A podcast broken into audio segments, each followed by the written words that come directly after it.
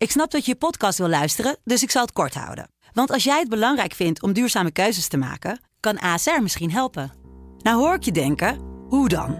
Nou, bijvoorbeeld bij het duurzaam herstellen van schade. Of de premies die we beleggen volgens ons duurzaam beleggingsbeleid. Dat bepaalt waar we wel en juist niet in investeren. Wil je meer weten over welke duurzame keuzes ASR maakt? Ga dan naar asr.nl slash duurzame keuzes. ASR doet het. Zo, dan kan je nu lekker naar je podcast luisteren. Dit is de voetbalpodcast Kick-Off van de Telegraaf. Met chef voetbal Valentijn Driessen, Ajax volgen Mike Verwijn en Pim CD.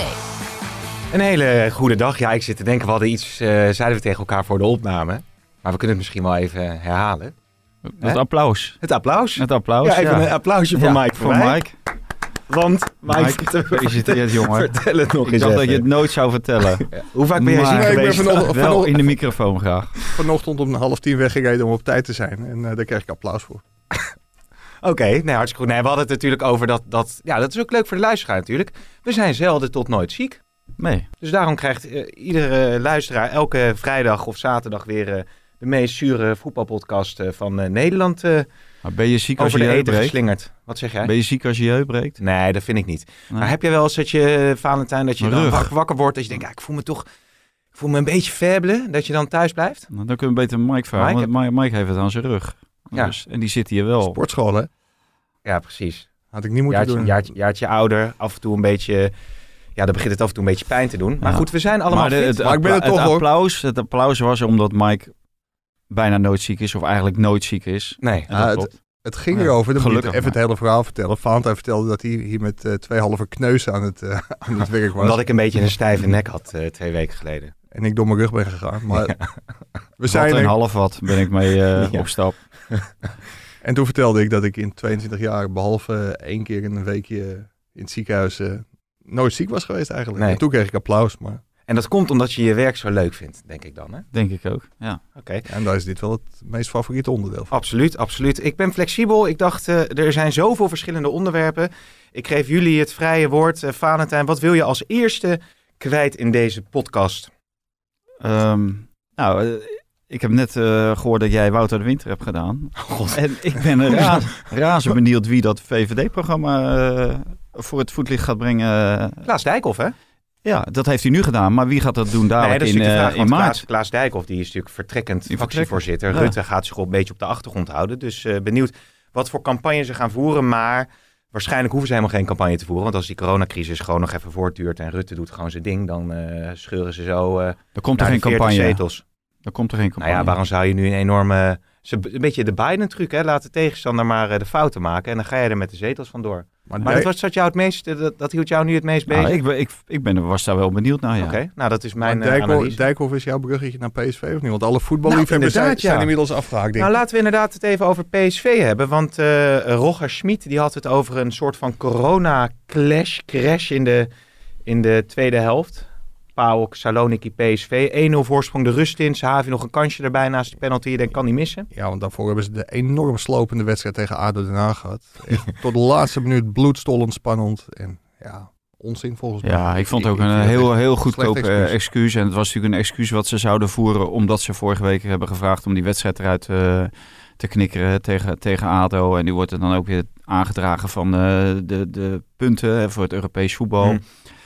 En natuurlijk moet PSV die punten halen voor, voor Nederland, voor het Europees voetbal. Maar ik vond dit een heel slecht excuus. En het kan gewoon niet zo zijn dat je in 20 minuten eh, drie goals tegengeeft, of eh, tegenkrijgt als PSV zijn. En dat had helemaal niets met vermoeidheid te maken. Dat had veel meer te maken met de organisatie die weg was. En als je dan toch over vermoeidheid hebt, dan moet je ook Gutsen gewoon heel snel wisselen tegen ADO Den Haag. Als je daar op een ruime voorsprong staat. En Thomas precies hetzelfde verhaal. En dan moet je na afloop niet zeggen van... nee, die heb ik laten staan omdat ze zo lekker bezig waren. Ze hadden zoveel plezier. Dus daarom mochten ze blijven staan. En ze hadden niet aangegeven dat ze gewisseld wilden worden. Nee, Nee. maar als jij dus bezig bent met kijken of jongens wel of niet in het rood zit...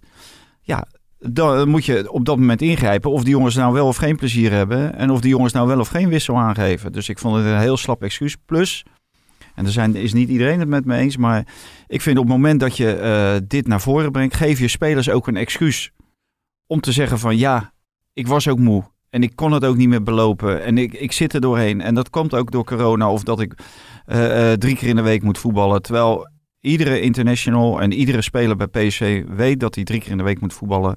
In september, oktober, november. En nog Ja. een gedeelte Maar december. ja, psy- psychologisch is dat inderdaad heel slecht. Want je geeft spelers een, een handvat om lekker te gaan klagen over die vermoeidheid. En wat dat betreft deed Ajax het. Dat was natuurlijk een gigantisch rare voorbereiding op weg Mhm. naar Micheland. Met drie vluchten op weg naar Denemarken.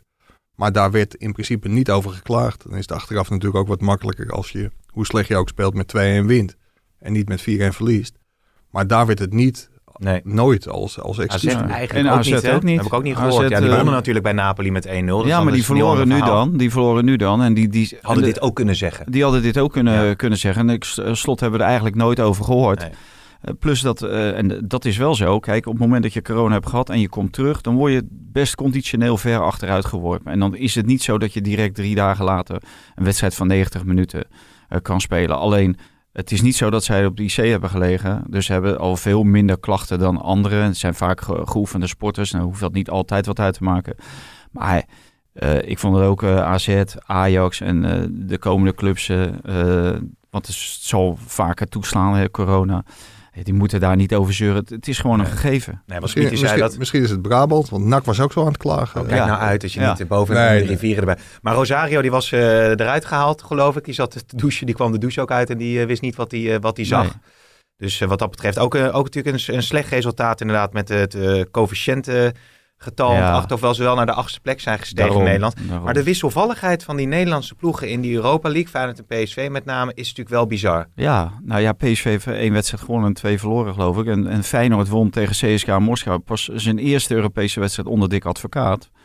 En dat werd ook wel een keer tijd. Het Ja. was er weer niet groots. Hè. Er werden twee goals uit buitenspelpositie gemaakt. Daar hoor je nu natuurlijk niemand over. Vorige week was de, wereld natuurlijk te klein met al die strafschoppen. Maar ik heb nu niet gehoord dat deze scheidsrechter was omgekocht. En, eh, Nee. eh, dus eh, wa- wat, wat dat betreft, en, nou, het, het is ze van harte gegund.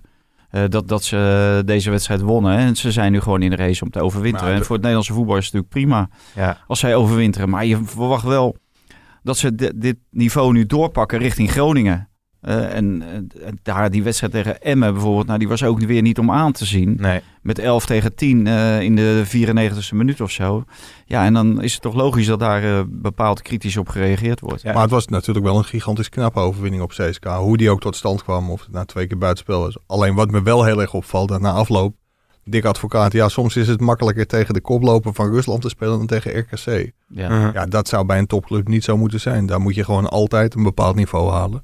En als je dat niveau haalt, dan is RKC echt makkelijker dan CSK. Ja, laat, laten we even luisteren wat Dick Advocaat eh, na de wedstrijd eh, daarover zei. Het was heel veel strijd en eh, ja, daar speelde de aanvoerder ook een hele belangrijke rol in. Die, die ging, ging echt voorop.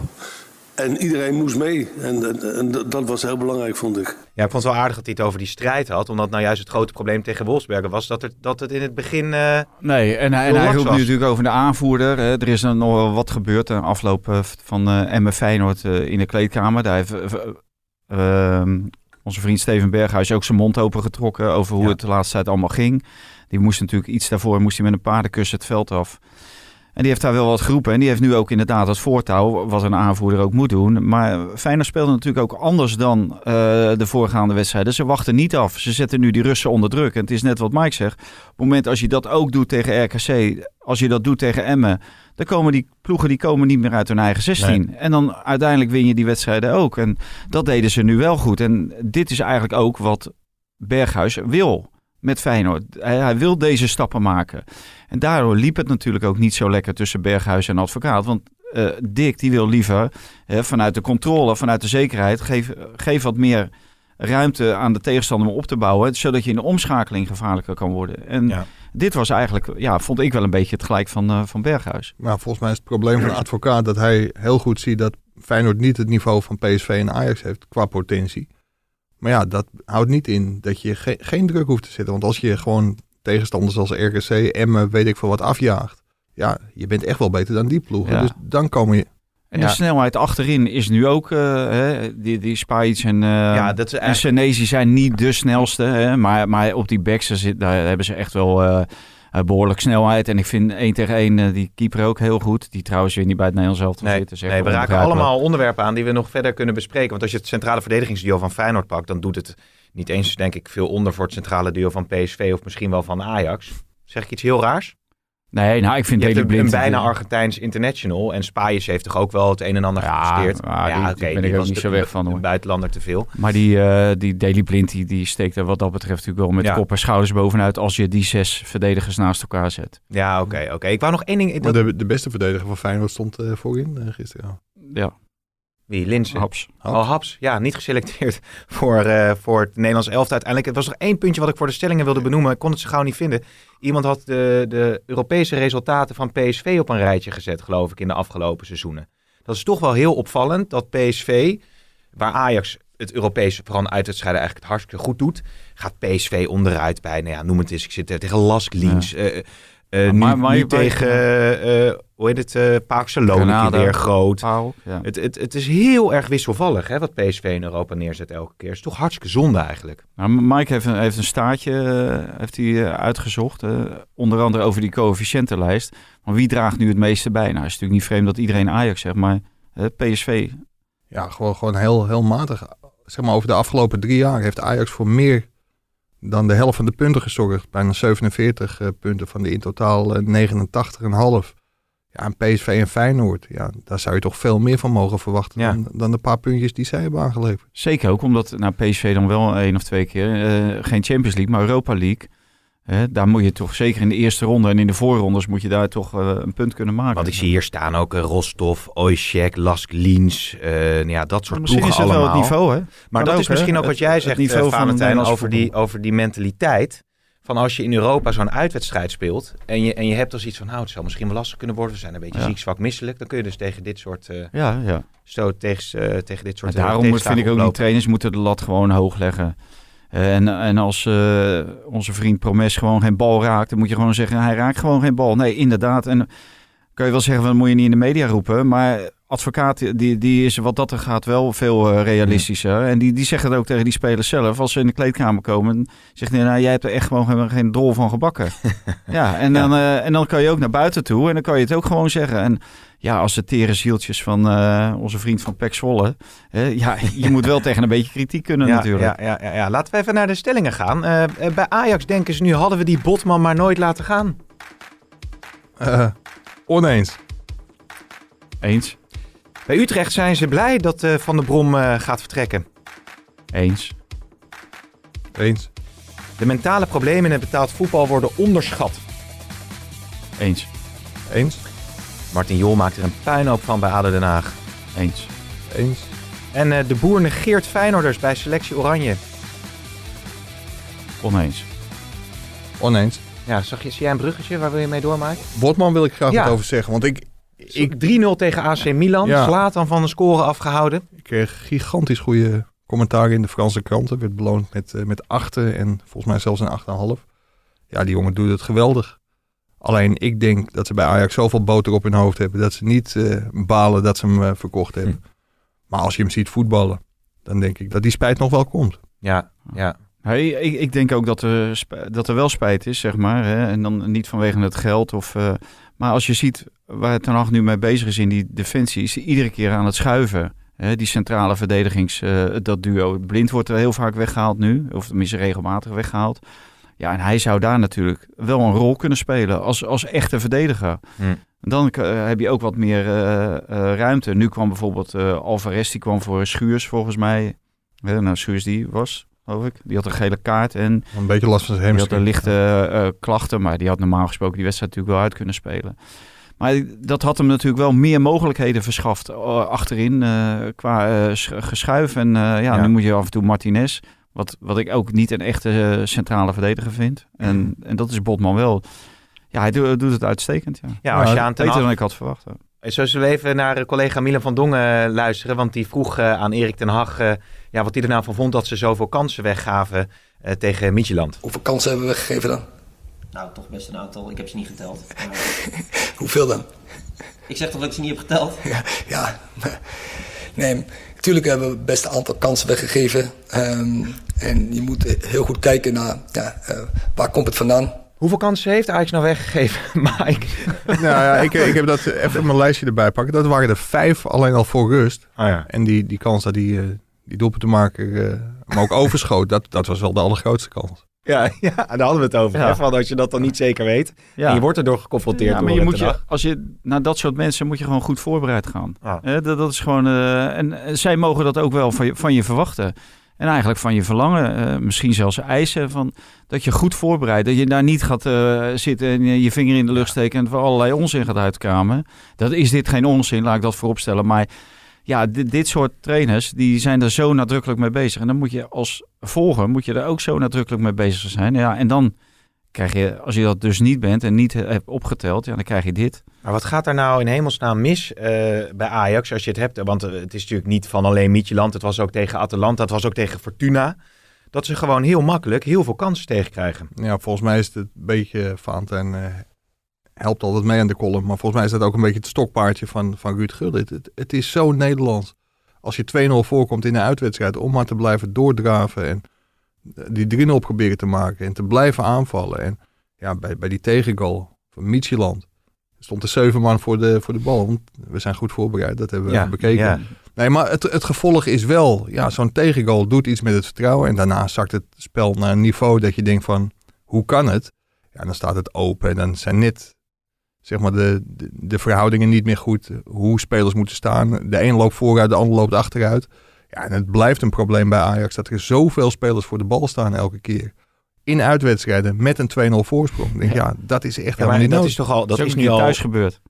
Ja, Maar het is nu al dat was zo lang toevallig in de halve finale. eh, Ja. Maar wat, wat, want, want ja, Rijn Gravenberg ook, eh, speelde ook eh, vrij diep. Dat- Dit is zo makkelijk. Hè? Nou, een jongetje van 18, die ga je nu Nee, nee, nee, maar nee, nee want daar heeft Valentijn het eerder ook al over gezegd. Ja, dan, dan is het ook aan anderen om eens iemand te corrigeren. Ja. Red ik me zo eruit? Mm, Ja, dat vind ik ook. Zoals Klaassen, die loopt er ook rond. Die is nu geselecteerd voor het Nederlands elftal. Die speelt daar ook een rol in. Hè, dus, eh, en dat, dat was tegen Atalanta eh, speelde hij. Tegen die Denen speelde hij alleen pas in de tweede helft. En dacht ik ook van ja, waarom kan die Ja. jongen niet gewoon de eerste helft gelijk meespelen? Precies. eh, hij komt uit een vliegtuig in plaats van uit een bus. Ja, ja, want hij was geloof ik niet door? wedstrijd... eh, wat was het ook alweer? Ik, ik heb het ook... de, de, de wedstrijdspanning was. Wedstrijdspanning. De, de spannings, het Spanning spanningsveld was Spanningsveld weggevallen. was weg. Ja, gelul natuurlijk. Die Ja. jongen die lag dan op de bank met zijn Playstation. Werd gebeld dat hij moest voetballen. Maar ja, als je tegen Davy Klaassen zegt dat je moet voetballen. Valentijn zei van de week. eh, als jeugdspeler dan eh, had je op het B-veld gevoetbald. En dan was er op het A-veld nog een speler tekort. En dan sprong je over het hek en dan deed je nog een. Nou ja, dat is ook Davy Klaassen. Ja. Zegt die jongen dat hij kan voetballen en hij gaat voetballen. En natuurlijk had hij Davy Klaassen moeten opstellen. en Niet Jurgen Ekkelenkamp. Niet alleen omdat Ajax dan veel beter was geweest. Maar dan had je Ekkelenkamp ook een hoop ellende bespaard. Want ja, die kreeg natuurlijk terecht heel veel kritiek in de rust. Ja, ja. Tja, ik laat het even bezinken. Maar dan is er nog best wel veel, als je die wedstrijd in oogschouw neemt, waar je natuurlijk van alles op en aan kunt eh, merken. Kijk, ze- de resultaten nu in de Champions League zijn eigenlijk goed. Als je bekijkt dat ze twee uitwedstrijden, één winnen, één Maar gelijk. Ze dit- hebben het helemaal in eigen hand. Dit, dit is geen topsportcultuur, hè, wat jij nu doet. Want Nee, in, in Bergamo hadden ze twee punten meer moeten hebben. Tegen Liverpool, als hij gewoon dapper gestart was, had hij waarschijnlijk drie meer gehad. Maar had hij ook in ieder geval één punt meer moeten hebben. En moet je kijken hoe je in- de pool had gestaan als je drie punten meer had gehad, Pim. Ja, ja maar, Maar jij, jij, bent, jij bent tevreden, of niet? Nou, als, nee, het gaat erom hoe sta je ervoor na drie wedstrijden. En dan sta je er gewoon eh, in principe prima voor, toch? Als je nu gewoon je Nou, twee thuiswedstrijden wint. Nou, als, als, als je de, want je had het net over cijfers, eh, over resultaten hè, van PSV. Maar als je de resultaten bijvoorbeeld van Ajax eh, erbij neemt en je neemt dan de resultaten in uitwedstrijd. Nu hebben ze twee uit en één thuis. Maar thuis is het dramatisch. Nu krijgen ze nog twee thuis. Ja, Nou, kunnen dan, beter nog ja, dan, dan, word je niet vrolijk. Dan, dan ga je niet met een geruste dat is hart. eh, Dat is waar. Pak maar glazen bol en Michieland thuis winnen ze wel, denk ik. Ja, nou kijk, Die- het, die het kunnen punt is dat deze jongens die, die moeten natuurlijk eh, zo lang mogelijk Europees eigenlijk Champions League blijven voetballen. Want dan pak je zo verschrikkelijk veel ervaring. Ja. En misschien dat het dan wel wat minder wordt met dat weggeven van die kansen. Want dat is natuurlijk eh, sowieso is dat een probleem. Ja, maar en, over... en, en niet alleen voor de ervaring van die spelers. Kijk, het is eh, natuurlijk ook eh, het model van, eh, van de club Ajax. Als je ziet hoeveel de spelers waard zijn geworden door een halve finale in de Champions League. Ja, dat, daar zijn andere clubs in Nederland jal- jaloers op. Want het is gewoon factor 2 of factor 3 eh, Ja. waarvoor spelers van Feyenoord en PSV verkocht worden. Maar denk je dat, dat Ten Hag nu verdedigend andere keuzes gaat maken. Dat die, want Alvarez, toen Alvarez ging spelen achterin en Klaas op middenveld dan wel, stond het wel wat stabieler uiteindelijk tegen Micheland. Eh, Timber kan je op een gegeven moment daar nog neerzetten. Is de tijd rijp om zo'n keuze te maken, vind jij? Want, het, want Schuurs maakt toch een hele onzekere indruk. Het kan ook Ja, aan de ruimte Schuurs heeft tot dusver elke wedstrijd in de basis gestaan. En dit was de eerste keer dat hij gewisseld werd. Ja, ik denk dat hij gewoon vertrouwen houdt in, eh, in Schuurs. Hmm. Alleen, ja, dit moet natuurlijk niet al te lang duren. Want dan komt, eh, komt Timber er wel aan. Die Ja. vond ik trouwens, de, de paar keer dat hij inviel en er moest staan, deed hij dat, eh, deed hij dat wel heel erg goed. Ja, hij moet gewoon snelle stappen maken. Je, je moet wel, ja, Schuurs, je moet wel potentie zien. Er moet wel groei in zitten. En op het ogenblik zit er gewoon geen groei in. Nee. Dus eh, dat, dat wordt wel tijd. Want op een gegeven moment kan je, wat Mike zegt, kan je niet langer de hand boven het hoofd houden.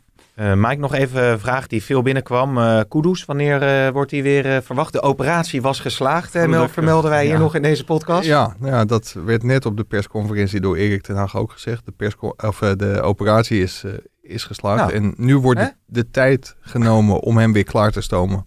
En ik denk dat het eh, de tweede seizoen zelf te, zal worden. Kijk, als Dat- je de tijd neemt, dan kan je ook nog een aantal keren dat hij terugvalt misschien hè, vanuit die blessure. Of dat er misschien een verkeerde diagnose onderweg nog Ja. weer eens wordt gesteld.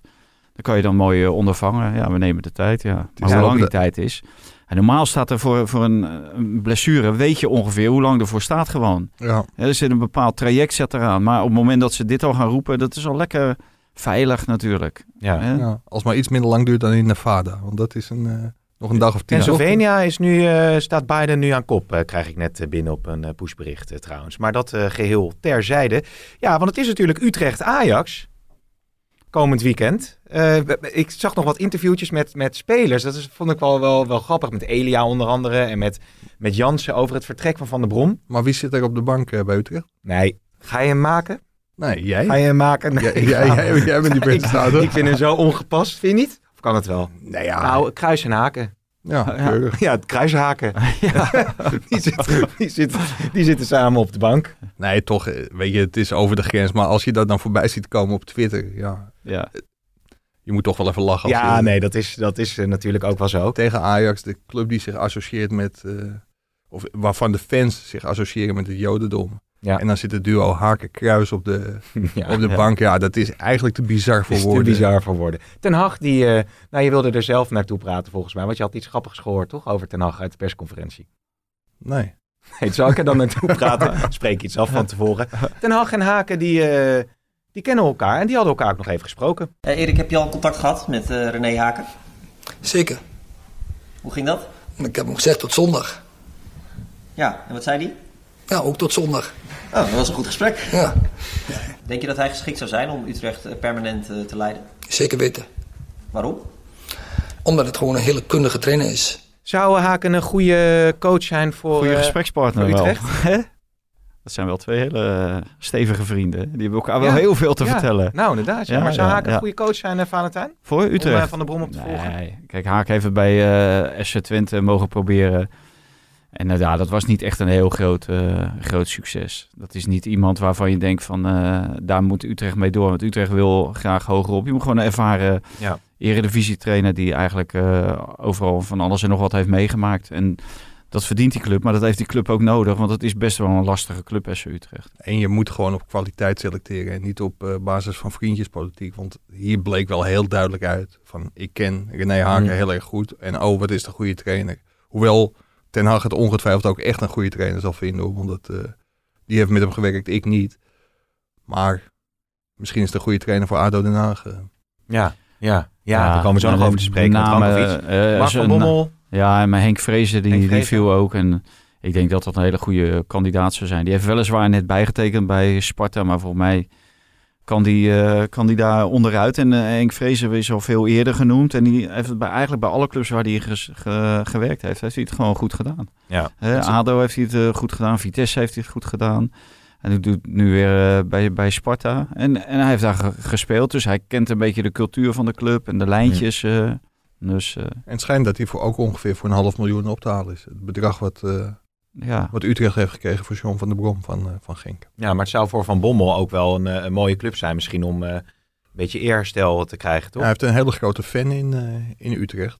En Wesley dat is Sneijder? Wesley Sneijder die hem eh, Nou, van harte heeft aanbevolen. Bij, Mooi duo. Ja, als, als Wesley dan maar niet zijn voetbalschoenen alvast aantrekt om toch nog terug te keren. ja, maar Nou, Van ik Bommel denk met als assistent Oh, trainer. Nou, maar ik, ik denk dat eh SC Utrecht dat gewoon niet moet doen. Nee. Nee, je- moet, moet gewoon ge- voor enige bewezen kwaliteit gaan. En Henk Vrezen kan Wesley Sneijder er ook bij nemen. Al eventueel als dat nodig zou zijn of als dat eh, eh, wenselijk is eh, als assistent. Ja. Dus ik vind dat je moet gewoon ervaring. En Mark die heeft nou, anderhalf jaar ervaring bij, bij PSV. En ik denk dat bij Utrecht zat het dire- direct de druk weer vol op. Want die willen de top drie aanvallen. Nou, is natuurlijk nog helemaal niets van gebleken. Daar hebben we helemaal niks van teruggezien. Daar zien we net zo weinig van terug als van eh, het Big Dick systeem van eh Roger Smit bij PSV. Roger, ja. Roger. Dus eh, Maar ja, het, het punt is ook, als hij vijfde wordt, dan heeft hij het waarschijnlijk fantastisch gedaan. Maar dan zegt iedereen in Utrecht van het tegenvallend seizoen. ja, Je kan het daar ook nooit, nooit goed doen. Bekerfinale gehaald natuurlijk. Maar Weer. dat... eh, Ja, veel te hoog van de toren geblazen en een veel te eenzijdige selectie. En ja, daar is Jordi Zuidam, die is technisch directeur, die is daar eh, verantwoordelijk voor. Maar eh, samen natuurlijk wel met de hoofdtrainer, want bij Utrecht is geen club zoals bij ADO, waar je eh, gewoon s ochtends op de club komt en dat er drie spelers staan en denk je, wie zijn dit in godsnaam? Ga er maar mee aan de slag. Ja. Al die spelers zijn gehaald natuurlijk met medeweten van Van der Brom. Maar een hele eenzijdige selectie, vol met middenvelders. Ja, en heel weinig eh, eh, Utrechts eh, gedachtegoed. Hè? Want Utrecht is ook wel van de mouwen op zo, van de Ja. opportunisme. hè. Ja, die spelers die daar lopen, daar kan je weinig opportunistisch voetbal mee Ja. spelen hoor. Maar dat wordt wel heel interessant in de keuze voor de nieuwe trainer. Je merkt wel, Frans van Seumeren, fantastische kerel, maar ook een hele grote voetbalfan. Maar ook iemand die heel erg gevoelig is voor grote namen. Want dan kan hij Elia halen en dan haalt hij Elia. En dan komt Maher vrij en dan haalt hij Maher. Ja, maar ik vind niet dat je dat bij Frans Verseumer moet neerleggen. Dat, dat nee, gebeurt maar Frans heeft natuurlijk- misschien voor een bekende Maar, maar, van maar die heeft natuurlijk wel een, een stem in de nieuwe trainer. Ja, en maar- misschien is hij wel gevoelig voor de naam van Bommel. Maar Ja. hij kan beter voor de naam Vrezen gaan, denk ik. Op basis van zijn, eh, zijn verleden Ja. en ervaring. Maar Van der Brom, hè, die is dus eh, naar België vertrokken. Ehm, Stonden te juichen hè, bij Utrecht. ja, dat, dat, want ze waren maar wel ik, ik had het dus over die akkoord. spelers. Het gingen, eh, ze- die, die, die spelers die waren nog, nog niet, die, reageerden nog niet op de club. Laat ik zo zeggen, ze reageerden niet van, goh, echt jammer dat hij weggaat, want we waren met een proces bezig. Ze zeiden van, oh, nou ja, het overviel ons een beetje. Ja. De- de- verder waren er niet veel... eh, Nee, maar voor helemaal niet in Utrecht. reacties. Ik heb helemaal niemand gehoord die... eh, je moet voor de grap even de beelden van Studio Sport van de afgelopen... of de, de beelden van Fox Sports erbij halen. Van Sean van der Brom op de bank in Almelo. Ja. Ja, Ja. ja. toen wist je dat dit niet heel lang meer Nee. eh, kon duren. Hij viel nog net niet in slaap.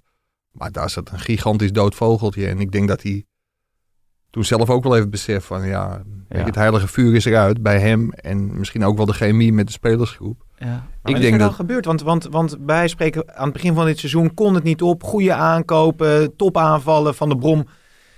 Toch wel het vertrouwen gekregen. Ja, vergis je niet, hè. Utrecht is wel een hele moeilijke club, denk ik. Eh, gewoon een volksclub. En eh, ook met heel veel invloeden van buitenaf op die, op die trainerstaf. En ik, ik denk dat hij gewoon zelf ook wel geconstateerd heeft... dat hij die ploeg toch niet zo aan de praat heeft Nee. gekregen... als hij misschien van tevoren zelf al heeft gedaan. Ja.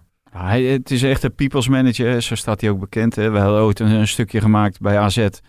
Dat Arne Slot heel belangrijk was voor eh John van der Brom bij, eh, bij AZ. Omdat die gaf de tactische invulling. En die was veel meer bezig met het, het voetbal, tactische verhaal. Waarin spelers eh, zich konden ontwikkelen. En John is veel meer van de arm om de schouders. En, Ja. ja, en dat, dat, vaak na anderhalf, twee jaar heb je dat wel gezien. Nou, en bij, bij Utrecht ja, is dat eigenlijk nog veel minder. Hè? Die, die houdbaarheidsdatum eh, die is nog eerder verstreken.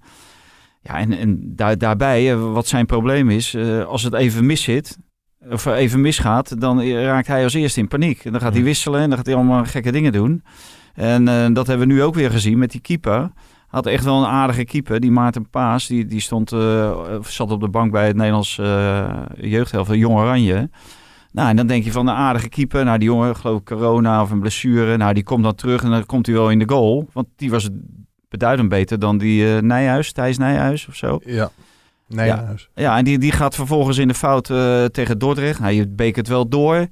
En die, die krijgt dan het vertrouwen. Maar die jongen die stond echt met 220 volt onder die lat eh, in, in Almelo. Nou, Ja. en de- Ja. dat is dan John van der Brom. Die, die geeft dan zo iemand het vertrouwen die, die het op dat moment eigenlijk niet verdient. Ja, en dan eh, denk ik ook van, dit is Van de Brom ten voeten uit. Het gegogel altijd met die opstellingen. Met dat middenveld dat ook iedere keer verandert. En dan middenvelders als rechtsbuiten. Terwijl hij gewoon een rechtsbuiten op de bank zit bijvoorbeeld. Ja, eh, Kerk ook. Die, die natuurlijk... eh, ja, dat, dat was het kapitaal van Utrecht. Nou, die zit dan ineens op de bank. Ja. En die kan, in de rust kan hij dan wel invallen. En dan kan je wel zeggen, ja, hij, hij, hij is licht geblesseerd of eh, hij is niet helemaal fit. Maar hij is dan wel fit voor een, voor een helft op het moment dat het niet gaat. Nee, nee, Dus- nee. Maar wie is een betere coach van de Brom of Rankovic? Hè? Brug- bruggetje, hè? Ja, goed hoor. Van de Brom, ja, nu nog van de Brom. Ja. Ja. Maar Rankovic is... Ja, eh, misschien altijd wel, wel van de Brom. maar het, het spreekt wel voor Rankovic dat hij geen paladijn is, zou ik zeggen. Nee, ik, heb, ik heb de column ook gelezen. Ja. Was het een circus van, joh, in de Ja, je hebt, eh, je hebt eh, toch wel stevig ik, uitgehaald. ik heb eh, heel de veel mensen in ieder geval voor het eerst in hun leven een woordenboek zien. eh, Ja, maar het is heel, je gebruikt mooie moeilijke woorden in, Ja. jouw, eh, in jouw column. eh, want het ging over eh, de puinhopen bij ADO en eh, de paladijnen Van Jol. van Jol. Ja, de volgers. Hè? Ja. De, allemaal die eh, uit zijn hand heten. Want eh, op het moment dat je dat niet doet, dan eh, krijg je schop onder je achterste. Ja, dat, eh, dat is, bij die club is dat gewoon een, eh, een groot probleem. En, eh, tenminste, het is een probleem, omdat het, het is al prima als, je- als Jol daar gewoon hele goede spelers neerzet. Hè? En goed scoutingsbeleid. Maar tot dusver is daar geen, geen sprake van. En er hebben al heel veel mensen de schuld gekregen voor de wanprestaties van ADO de afgelopen jaren. Hè. De, de vorige directeur, Manders, Jeffrey van Assen, TD, Groenendijk, de trainer, Pardew. Maar ja, Pardew was aangesteld door Jol. Alle spelers die kwamen eh, bij ADO, eh, die, die, al die Engelsen, ook allemaal niet, niet gelukt. Was die ook allemaal bij. Hè, weliswaar niet in een officiële functie, maar was wel adviseur Mhm. en eh, zat er bovenop. Nou, en Pardew, ja, die liet zich niks vertellen door Jol. En, maar Jol dacht, nou, dan ga ik gewoon een hele jonge trainer, die zelfs het diploma nog niet heeft, Rankovic, die best wel redelijk stond aangeschreven. Ja, en die krijgt hij niet te pakken, want ja, hij heeft zulk slecht materiaal geleverd dat Rankovic kan niet presteren. En die gaat dan, wat gaat dan zo'n trainer doen? Die gaat dan allerlei dingen verzinnen. En dan gaat hij naar 4-4-2 en 4-3-3 en eh 3-4-3 en weet ik wat eh, daar allemaal gespeeld is. En er valt best wel wat voor te zeggen om daar een hoop kritiek op te hebben, maar ja, het belangrijkste is, hij heeft geen kwaliteit binnen, binnengehaald qua spelersgroep. Dus Nee. ja, dan kan je het een, een, een trainer niet kwalijk nemen op het moment dat het niet loopt. En er lopen allemaal watjes en halfwatjes rond daar. eh, dan, ja, Ja. dan gaat een trainer wat zoeken. Ja, maar we- Martin Jol en, en Mike, die natuurlijk ook bij Ajax als coach gezeten, die, die, die krijgt, of die wil graag de positie creëren waarin die veel eh, paladijnen om zich heen Ja. eh, kan Pla- verzamelen. paladijnen- ik, ik heb het even opgezocht. Dus het is een slippendragers, Een slaafse aanhanger. slaafse Ja. aanhanger. In, in de re- religie is het de hoogste ambtenaar in dienst van de paus. Oké. Zo, Maar- Zo. Maar ja, het is- het dat, is- dat schud jij zomaar uit je Ja. mouw een column, joh. Niet te geloven. katholiek hè? eh, Jij? ja, ja. Ja, katholiek. Officieel, ja, ja, ja. Ah, Tot nou, de commune, nou- en daarna nooit meer een Oh, kerk Nou, heb binnen ik, gezien. nou heb maar- ik gezien hoe Vaan hij column zo schrijft. Eh, Hij heeft ook een woordenboekje voor zich liggen. En dan slaat hij hem open en dan met zijn vinger. En dan, hey, Het is een beetje de heb een André chef Hazes onder de, Ja. Columnisten, hè? Ik heb een chef gehad, Charles Taylor, een geweldige chef. Eh, eh, niet alleen omdat hij me binnen heeft gehaald, maar er was echt... eh, ja, die, die zag ook altijd de grote lijnen. En die schreef dan op eh, zondag... kwam hij om vier, vijf uur kwam hij binnen en dan schreef hij een column. eh, opinie. Taylor, opinie. En, eh, maar die had ook altijd een woordenboek. En eh, die, die liet een woordenboek dan openvallen op een bepaalde pagina. En dan nam hij altijd één Ja. moeilijk woord uit. Ja. En dat stond altijd, en daar kon hij heel goed naartoe schrijven. Nou, dat was echt geweldig. Was echt, iedere week was het weer. Ja, ja Charlotte die maar- had zijn column. En dan moest je je woordenboek erbij halen. Want dat woord, dat begreep niemand. En ik weet heel veel mensen, die vonden het echt geweldig. Ik Ja. vond het zelf ook mooi, want het geeft wel eh, extra... Elan. extra Nou ja, cachet. en- en- Cachet. Ja, Maar nee, dit was een, dit was een ja. Charles Taylortje dan? Die ja, ja, paladijn. ja, Of had ja. je, maar, of Nee, kwam dat zomaar nee, niet nee, op? Het is een woord wat... eh, ja. Er wordt veel gebruikt in het Westland. ja, Ja. ja. eh, katholiek, eh, Maar wat ik eigenlijk katholiek wou- bolwerk. hè. Maar ja, over, ja, de katholiek vind ik ook wel weer interessant. Maar over Jol en, en zijn paladijnen, was dat bij Ajax hetzelfde eigenlijk? ja, daar, daar was opeens Van de Dussen, die loopt nu volgens mij ook weer, weer rond Ja. bij ADO. Was opeens de trainer van Jong Ajax. Terwijl die bij de amateurs vandaan kwam. En iedereen binnen Ajax het idee had van, wat komt die man doen? Ja, Hm. die- dat paste ook voor geen meter. Want die was geloof ik nog, nog eerder eh, uitgekort dan John van der Brom. Maar Kok ook, Jol. eh, zijn Zijn broer, broer. Kok Jol, die liep er altijd. Wie was nou zijn chauffeur? Ja, Kok. Dat was Kok, hè? dat is trouwens wel een legendarisch verhaal ook. Maar de- Wat daar, is dan? de- daar is deze podcast... eh, Is er echt... Nee, Ah, bij, bij Ajax was het zo, als een trainer dreigde te te worden ontslagen. Dan werd er van tevoren, dan heeft er een gesprek plaats. En dan is het niet handig om je auto op het parkeerdek te zetten, want daar lopen de journalisten.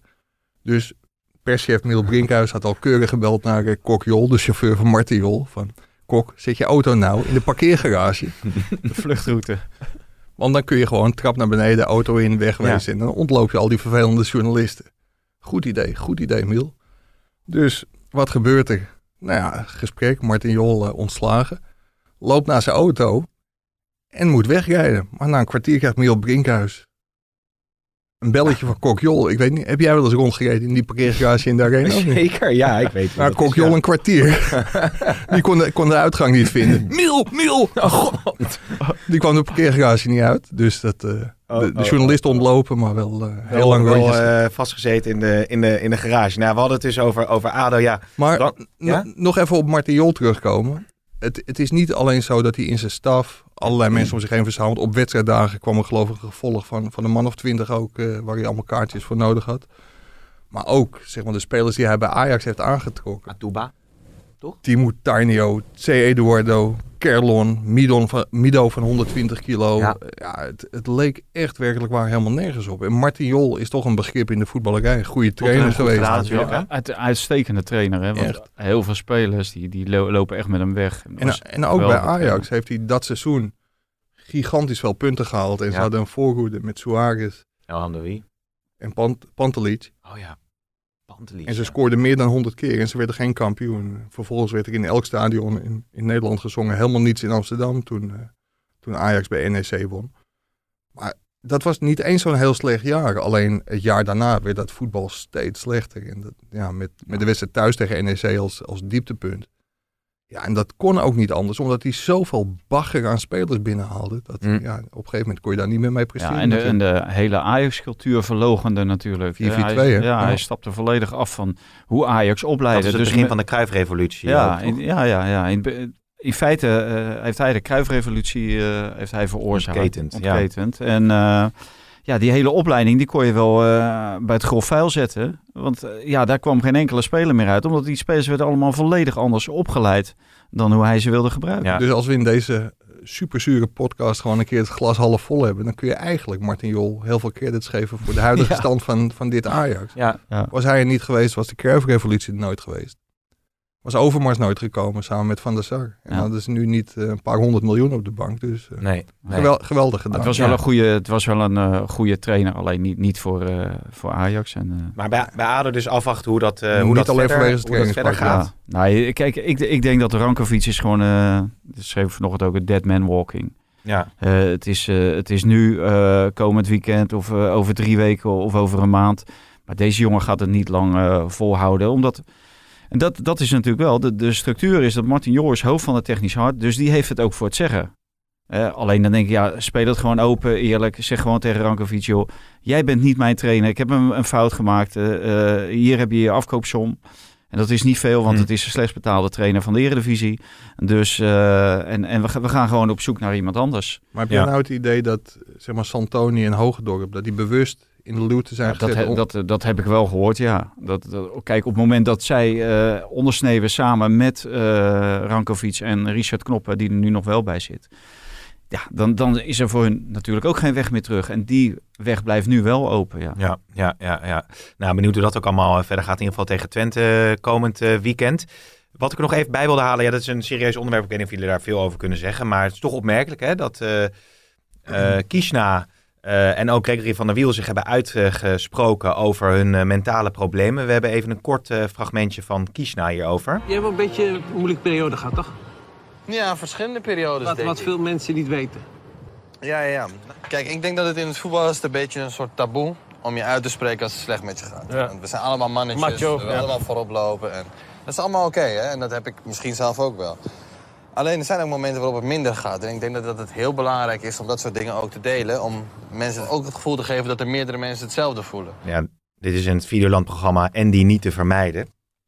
Eh Kishna ging door een diep dal. Jij kent Kishna natuurlijk ook nog van eh, zijn Ajax-periode. Eh, Wist jij hiervan? Dat hij, eh, of was, speelde dat bij Ajax nog helemaal niet? Nee, nee, het is een, eh, altijd een heel bijzondere jongen geweest. Echt eh, linkspoot, linksbuiten. En ze zeggen altijd linksbuiten, dat eh, zijn geniale gekken.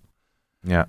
En ja, dat, dat hij deze problemen heeft gehad. Ik vind het ontzettend dapper. Ook trouwens wat, wat Gregory van der Wiel doet. Door zo'n verklaring op zijn eigen site te zetten. Dat je, dat je hier vooruit durft te komen. Ik denk ook dat het heel goed is, omdat er toch een heleboel mensen in Nederland waarschijnlijk mee kampen. En nu ook voorbeelden hebben van, hé, hey, die durven dit te vertellen. Ja, en met hulp kun je, eh, kun je een eind komen. Ja. En ik vind het uh, ja, klasse dat die jongens dat doen. Ja, zeker. Omdat dit zijn natuurlijk wel bepaalde rolmodellen. En in de voetballerij word je ieder moment word je beoordeeld. Uh, en openlijk. Nou ja, het is gewoon faalangst hoort gewoon bij de voetballerij. Alleen niemand durft erover te praten. Het, is eigenlijk het, eigenlijk het grootste taboe. En je moet allemaal maar accepteren dat er een stelletje idioten langs de lijn uh, van alles en nog wat naar je En roepen. journalisten de druk natuurlijk ophogen. En journalisten, maar die, die gebruiken nog een beetje normaal uh, taalgebruik. Maar uh, langs de lijn natuurlijk niet. En ik weet zeker dat er een hele hoop spelers zijn die zijn dolblij dat er nu geen publiek is. Dat zij durven waarschijnlijk veel, vrij uit, ik, veel meer vrij uit te voetballen. Ik zal niet zeggen dat ze daardoor beter gaan voetballen, maar er is veel minder druk en die druk is gewoon heel groot. Want uh, ga je zelf maar na. Uh, als ik aan het typen ben op de tribune en er staan vijf mannen achter me. En te kijken wat ik aan het typen ben. Geheid dat ik dan ook drie, drie uh, extra foute aanslagen ja. doe. Terwijl ik die waarschijnlijk normaal niet zou maken. Dus dat is gewoon, ja, dat, dat hoort er gewoon een beetje bij. En dat zijn een aantal, ja, die kunnen daar uh, zich heel makkelijk van afsluiten. Maar ik denk bijvoorbeeld, uh, ik, naar aanleiding van dit dacht ik aan iemand als Brian Linsen. Dat is misschien precies het andere, het uiterste. Hè? Die, die draait helemaal niet bij Feyenoord. En vorige week schreef ik het zelf ook van... Ja, uh, kuipvrees zonder dat er publiek in, de, mm -hmm. in het stadion zit. Maar misschien is hij juist wel iemand die publiek nodig heeft... om alles eruit te halen. Want die heb je natuurlijk ook. Ja. Die Ja. spelers die, die, die juist gaan groeien. Van Persie die schreef dat ook in zijn column van de week in de Telesport. Van, eh, dat, dat, dan word je helemaal opgepompt. En sommigen worden daar beter van. En anderen die, die worden juist onzeker van, van die druk van buitenaf. En, eh, Maar nu snap Maar ik waarom er zoveel tikfouten in jouw laatste stuk Nee, nee, maar daarom laat ik ze altijd altijd lezen door Mike. Ik zit altijd door, kijken. door, door Mike eerst eh, en dan gaat het pas de krant in. Maar het, het is toch wel iets wat, wat gewoon heel erg goed in de gaten gehouden moet worden. Je ziet het ook bij DJ's. Ze gaan mee naar Ja. patroon. En het, het is maar doorgaan, doorgaan, doorgaan. En die druk is gigantisch. Druk van presteren. Maar voor DJ's is het toch geen druk om te presteren? Nee, Nee, ja, er dus- zijn gewoon plaatjesdraaiers. Er er zijn ook voorbeelden Nou ja, van waar, waar het- Avicii. Maar dat is, ze gaan nu wel even... ja, met dat reizen en zo. eh, De, de, de, ja, je gaat Nou maar ja, ik, dat is kijk, natuurlijk wel... Arnold enigszins. Brugging heeft natuurlijk met Robert Enke gespeeld. Dat, dat is ook Ja. een, een voorbeeld van, Ja. van. Ja. echt een verschrikkelijk voorbeeld ook. En dat hebben ja, die, die spelers van buitenaf ook nooit gezien. En achteraf beseften ze wel van, hé, hey, dat zat natuurlijk helemaal niet goed in Nee. dat koppie. Dus ja, praat erover, eh, kom er vooruit. Net zoals deze jongens hebben gedaan. Ja, en het is ook wel interessant als je dan eh, het interview heb ik nog even teruggekeken wat Van der Wiel gaf toen hij bij RKC ging eh, voetballen. Als je met de kennis van, van die mentale problemen dat interview ziet, dan, dan maakt dat heel veel duidelijk. Want je denkt natuurlijk van ja, die Van der Wiel, wat is daar in hemelsnaam mee gebeurd joh? ja. En dan zie je eigenlijk een hele broze jongen die bij RKC probeert om het voetbal weer een beetje op te pakken. Ja, maar dat broos, dat broos heeft hij eigenlijk altijd Vond ik wel ook. gehad, vond ik. Ja. En achteraf, ja, Onzeker. het is wat jij zegt. Achteraf kijk je een koe in zijn kont. En, en dat is gewoon zo. Want achteraf denk je ook van... En datzelfde gevoel, dat is een...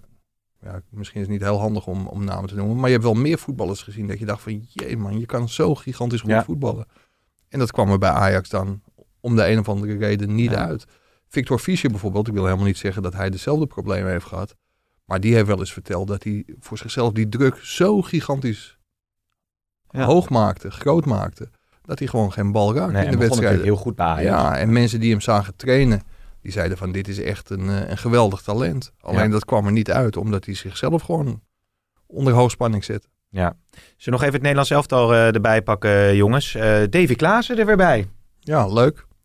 Door een aantal blessures bij het Nederlands elftal, maar de manier waarop Davy, eh Davy Klaassen zich heeft aangepast bij Ajax, of eigenlijk niet eens heeft aangepast, gewoon meevoetbalde. Hij is teruggekomen en is gelijk de bepalende speler geworden. Ik heb volgens mij vorige week ook geroepen dat het me verbaasde dat sommige mensen hun, hun vraagtekens zetten bij die terugkeer. Want dit is echt het beste wat Ajax kon overkomen. Ja, Frank de Boer is altijd heel erg gecharmeerd geweest van, van Davy Klaassen. Die heeft hem volgens mij in de jongste jeugd ook al, eh, al gehad. Die heeft hem de hele jeugdopleiding zien doorlopen bij Ajax. En dat hij door de afwezigheid van een aantal, de Roon is er niet bij. Nou, Nee. Strootman speelt niet bij zijn club. Dat hij uiteindelijk bij Davy Klaassen terechtkomt. Hij legt het ook uit. Ver was natuurlijk ook een optie, maar die is geblesseerd. ja, ik vind dat geen gekke keuze. De boer zei het volgende over eh, de afwezigheid van eh, Kevin Strootman. Ik heb hem ook eh, twee dagen geleden gebeld daarover. Ik zei, nou, we hebben dat besproken met elkaar en ik kies op dit moment voor anderen. Maar dat betekent niet dat je uit het oog verlies. Ik hoop dat de situatie verandert. En ja, dan komt hij vanzelf weer in, de picture natuurlijk voor het Nederlands elftal. Hij is naast een fantastische persoon, maar ook gewoon een belangrijk persoon in, in de, spelersgroep. Daar hecht ik ook heel veel belang bij. Ja, het voetbal is altijd leidend, maar... Dus ja, laten we hopen dat zijn situatie verbetert in de, in de komende maanden. En dan eh, komt hij vanzelf weer in de picture. Ja, ik vond het wel aardig dat hij heel nadrukkelijk het belang van Strootman in de groep benadrukte. Nou, dat was ook de enige eh, reden waarom hij eigenlijk nog bij zat.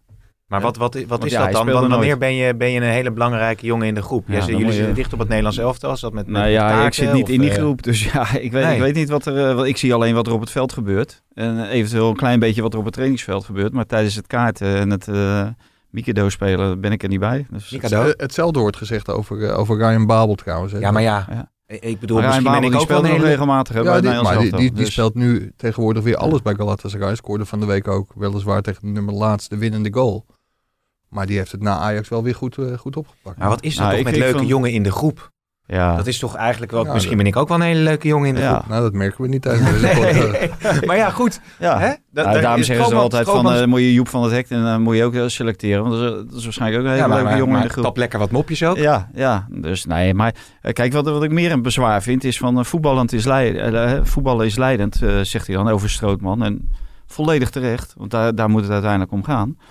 Maar dan denk ik, keeper is dus niet leidend. Hè? want eh, ik begrijp niet waarom eh Bijlo daar, eh, ik wil het bijna, bijna weer zeggen, Niet Vincent, nee, ja. Nee, dat is- Justin nee. Bijlo, Ja. waarom die, waarom die er niet bij zit. Want die verdient het gewoon om een selectie van het Nederlands elftal te zitten. Justin Bijlo keept niet als Vincent Bijlo, zou je kunnen, kunnen zeggen. Nee, bepaald niet. Nee, Nee, Nee, de bondscoach selecteert als Vincent Bijlo. Ja, Ja. nee. Ja. Maar, maar dat is... ik zal ik, nog even een anekdote. Ik, ik ben ooit... Ik, ik, ik, Ah, heb, nee, ooit, ik, heb niet- ooit bij het, ik heb ooit bij het AD eh, gewerkt. Hè. Daar ben ik eh, begonnen. En daar had ik een rubriek Fitbox. En dan ging ik met bekende Nederlanders naar sport. En dan ging ik met Vincent Bijlo naar de klassieker. Feyenoord-Ajax. Vincent Bijlo was groot Ajax-fan. Maar we komen daar aan bij het stadion. Ajax-fan, Feyenoord-fan, toch? Feyenoord-fan. Ja, zei Ja. Ajax, Feyenoord-fan. Dus we komen daar aan bij het stadion en er breken dus eh, ongeregeldheden uit. Dus ik sta daar met die Vincent Bijlo. Ik denk, jezus, mina joh. Dus hij, zegt, hij, hij zegt, weet je, nou gaat het dan goed. Dus ik, ik, ja, ik nam Vincent mee uit, uit die hectiek. Dat was wel spannend. En toen hebben we de wedstrijd gekeken. Toen mocht, kon, kon ik echt het commentaar doen. Want ja, hij, hij, Ja. Hij, hij, ziet natuurlijk niks. Jij deed commentaar ik heb hem. toen een beetje commentaar Maar het gegeven, klopt ja. volgens mij bij eh, veel van die clubs hebben tegenwoordig toch ook een, of tegenwoordig al een tijdje, een soort commentator voor de, Blinde tribune. ja. voor de blinden. Maar het was ontzettend leuk, want Tribune. hij kon dus eh, aan de, eh, de sfeer op de tribunes bij de Kuip, kan dat, kan dat, kan dat zo Ja. geluid maken, kon, kan hij dus opmaken hoe Feyenoord in de wedstrijd zit. Ja? Ja, geweldig. was toch leuk? Ja, Goede anekdote. Zeker. Nou, dat niet, maar laten we doorgaan. Maar eh, Justin Bijlo dus er niet bij. Ja, dat is toch raar, want Silas, ik weet niet of hij nu nog überhaupt in de basis staat bij Valencia. Volgens mij niet. nee, Maar Zot heeft heel goed gekiept natuurlijk eh, in, eh, tegen Sociedad. één wedstrijd. Ja, Ja. ja. die, krijgen, die krijgen natuurlijk heel veel ballen. En Ja, Krul, en. Krul keept, keept elke week. Die heeft geloof ik eh, Ja. de laatste weken twee penalties eh, weer gestopt. Maar speelt op een lager niveau. Ja. Het, het Ja, enige wat ik me kan... Championship, ja. Het enige wat ik me kan voorstellen, hij was natuurlijk van de week ook weer, eh, weer geblesseerd. Dat, dat is zijn blessuregevoeligheid. Maar ja, Ja. op een gegeven moment moet je Maar ja, speelde die gewoon. Dus ja, op het moment dat mensen spelen, zijn ze fit. Of misschien Want- dat, dat je hem wil laten keepen en daarom bij Jong Oranje eh, zet of zo. Nou ja, Oranje is het is- geplaatst. Het is eerder Ja. dat die jongens juist hè, eh, vanwege de, dat programma, dat ze misschien juist een wedstrijdje Hm. overslaan dan extra te Ja, keeper. ja, dus dat is een opmerkelijke keuze van de boer. Eh, Haps is er ook niet bij. Nee. Daarom had ik het over dat negeren van Feyenoorders. Nou, ja, de Ja. advocaat zei nog na de wedstrijd tegen CSKA Moskou... dat hij twee potentiële linksbacks in zijn selectie heeft voor Oranje. Met Ja. Malasia er ook bij. Ja, dat is dan natuurlijk weer heel overdreven. Dat, Mm. dat, eh, dat vind ik dus duidelijk niet. Maar Haps, eh, ja, of Van Aanholt, nou Van Aanholt komt net terug. Die heeft daar natuurlijk wel eerder bij gezeten. Dus ja, dat had voor mij ook Haps eh, kunnen zijn. En ik denk toch niet dat, eh, dat die in de basis gaan starten. Dat Nee. kan ik me nauwelijks voorstellen. Nee, nee, nee. Verder nog opvallende dingen in de selectie, vind jij, eh, Mike, of niet? Zinkgraven er uiteindelijk niet bij. Nou, dat zat er natuurlijk Nee, wel, dat zat wel aan in. te komen. Dan is de kans natuurlijk wel aanwezig dat Van Aanholt eventueel wel minuten gaat maken. Ja. Want ze hebben natuurlijk wel weer drie Dumfries er nog niet dus- bij. Is dat nog steeds eh, Nee, corona? Of, Corona nog steeds, hè? Positief. Ja. Eh, jongens, we gaan rustig richting eh, de afronding, eh, zou ik zeggen. Ja, ik- zelf vind ik Philip Cocu echt, echt, zit ik stiekem zo elke keer te kijken wat hij nou weer allemaal op zijn hals haalt bij Derby. Weer Ja. verloren midweeks, heeft zes, Zes- punten uit tien wedstrijden. Moet nu ook nog in zelfisolatie, omdat hij contact heeft gehad met de directeur Peers die corona heeft volgens mij. Dat gaat, Dan dat zullen ze hem niet ontslaan. maar dat gaat niet lang meer goed, toch? Dat kan toch bijna niet? Nee, sta, ze staan 23ste, geloof Ja, ik. ene laatste. laatste. Rooney zit volgens mij eh, in de startblokken om, eh om eh, Cocu te gaan opvolgen. Ja, volgens mij kan dat, geloof ik, pas eh, in december of in januari.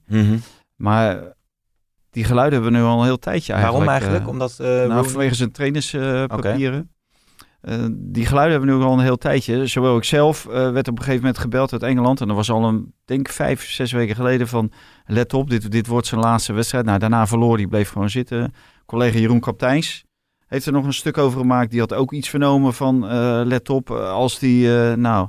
En hij zit er nog steeds. Dus waarschijnlijk doet hij, of hij doet toch wel wat goed... of ze zien toch wel bepaalde ontwikkeling of potentie. Maar van grote afstand bekeken. En zeker als je weet dat eh, een gemiddelde eh contractduur... of een gemiddelde tijd dat een trainer in de Premiership, is het? ja, eh, werkzaam is. championship. Ja. Of Championship is negen maanden. Gemiddeld Hij negen. zit er al langer, toch? Of niet? 9,5 maand is de gemiddelde eh, duur van een Ja. trainer. Dus uh, nou, Cocu die houdt het nu al vrij lang vol en, en hij blijft verliezen en toch blijft hij, Ja. blijft hij zitten. Maar 9,5 maand, dat is natuurlijk wel heel kort. Want dat betekent als het gemiddelde, dus dat er ook heel veel gewoon na drie, vier maanden eruit worden geknikkerd. Dus Maar dan komen we nog één keer met achteraf kijken in koersseconde. Toen Cocu daarin stapte, toen zeiden mensen in Engeland al van waarom doet hij dat? Want vorig jaar hadden ze een aantal hele goede huurspelers. Waar Ja. ze dit jaar niet over konden beschikken. Dus eigenlijk iedereen wist al vooraf van hij heeft geen al te beste selectie. Ja, Ja, dat blijkt wel. ja, ja. ja, Nou, toe- toevallig uh, we hadden een interview met Danny Buis, de trainer van Groningen. Hè. Die is pas 38 jaar. Nou, die had ook een aanbieding. Die kon naar Birmingham in de zomer. Hm. Nu weer. En volgens mij was er ook nog een uh, Amerikaanse aanbieding. Maar die heeft overal nee tegen gezegd. Want die kan zich nog veel verder ontwikkelen bij, uh, bij SC Groningen. Maar uh, toen wij dat, dat zeiden van... uh, samen met Massa van der Kraan was ik daar, de chef... Uh, over die 9,5 maand. Ja, toen schrok hij wel. Want ja. ja. daar ben je gewoon je leven niet zeker als manager. Nou, en als je graag door wil en je hebt een, een, iets in je hoofd van uh, een bepaald traject als trainer en je wilt toptrainer worden, wat, wat hij graag wil, wil en uh, waar hij ook alles voor opzij zet, ja, dan moet je daar niet heen gaan. Nee, nee, nee. Um, ja, het programma van de, van de Eredivisie, we hebben Vitesse eigenlijk niet echt besproken. We gaan hartstikke lekker natuurlijk. Alleen tegen Ajax verloren. De rest allemaal gewonnen. Onder andere ook uh, PSV. dit thuis. weekend gaan ze toch wel weer tegen lekker. Emmen thuis. Dus kunnen we volgende week... Uh... gaan we volgende week bespreken. Utrecht Ajax hebben we natuurlijk dan zondag. Uh, Feyenoord Groningen. Bol of niet? Mogen PSV Willem mogen 2. Heerenveen AZ. Willen jullie hem op, uh, op welke wedstrijd? Wil je op Heerenveen AZ glazen bollen? Nou ja, alle, alle wedstrijden van de top. Ja, oké. Okay, nou, uh, Fortuna Pack. Oh, dat is, dat, dat, deze podcast komt aan het einde van de dag online. Uh, of sommigen zien hem zaterdagochtend. Nou, oké. Okay, uh, pak hem maar. Utrecht Ajax is natuurlijk een mooie voor de glazen bol, hè? Ja. 1-4. Oh? 1-2. Echt? Feyenoord Groningen? 2-2. Nee, joh. Denk, oh, je bent natuurlijk, bent natuurlijk buisfan na dat interview. Uh... 2-1. Nee, maar ik weet hoe uh, Feyenoord speelde tegen Emmen. Oh ja, dat is ook zo. Vitesse Emmen, nou dat wordt een, uh, een eentje lijkt me toch, jongens? 1-1. Ja. Jezus. is, ik ga, kunnen we deze... Onder, onthoud dit even ja, dit volgende ga ik week. onthouden, ja, want dat is helemaal niks. Fles wijn als hij goed Doe is, je dit hè? nou expres? Ja. Nou, we kunnen... Okay, nee, nee, nee. nee best... als deze goed is, dan krijg ik gewoon een fles wijn. En dan niks andersom? Nee. Oké. Okay. Prima, joh. Ja, kan mij schelen. Vitesse nee. Emmen. Nee, ja. Ja. We hadden toch gezegd... Oh, dan hadden we Heerenveen AZ. Hadden we die Hadden we Heerenveen AZ hadden we toch niet Nee, nog niet. Nog niet. Ah, nee. Het is echt de slechtste ja. 1-3. 1-3. Uh, AZ, altijd gelijk, 2-2. Ja, en PSV Willem 2, nou jongens. 3-1. Uh, PSV is wel erg vermoeid.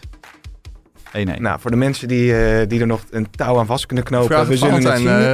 Nee joh, dat is allemaal goed. Dat had ik eigenlijk met, uh, met uh, Philip Cocu. Maar ik, we waren zo lekker bezig. Ik denk, ik doe het één keer gewoon achter elkaar. Nou, uh, ik wou iets met een grap nog maken met Paladijnen. Hè? Ik vind Valentijn Driessen en zijn Paladijnen houden ermee op. Ja. Tot de volgende keer. Nee, nee, nee. Pim Cedeen is een Paladijn. ja, dat durf ik niet te zeggen. Dat is maar goed. Hè? Tot ziens.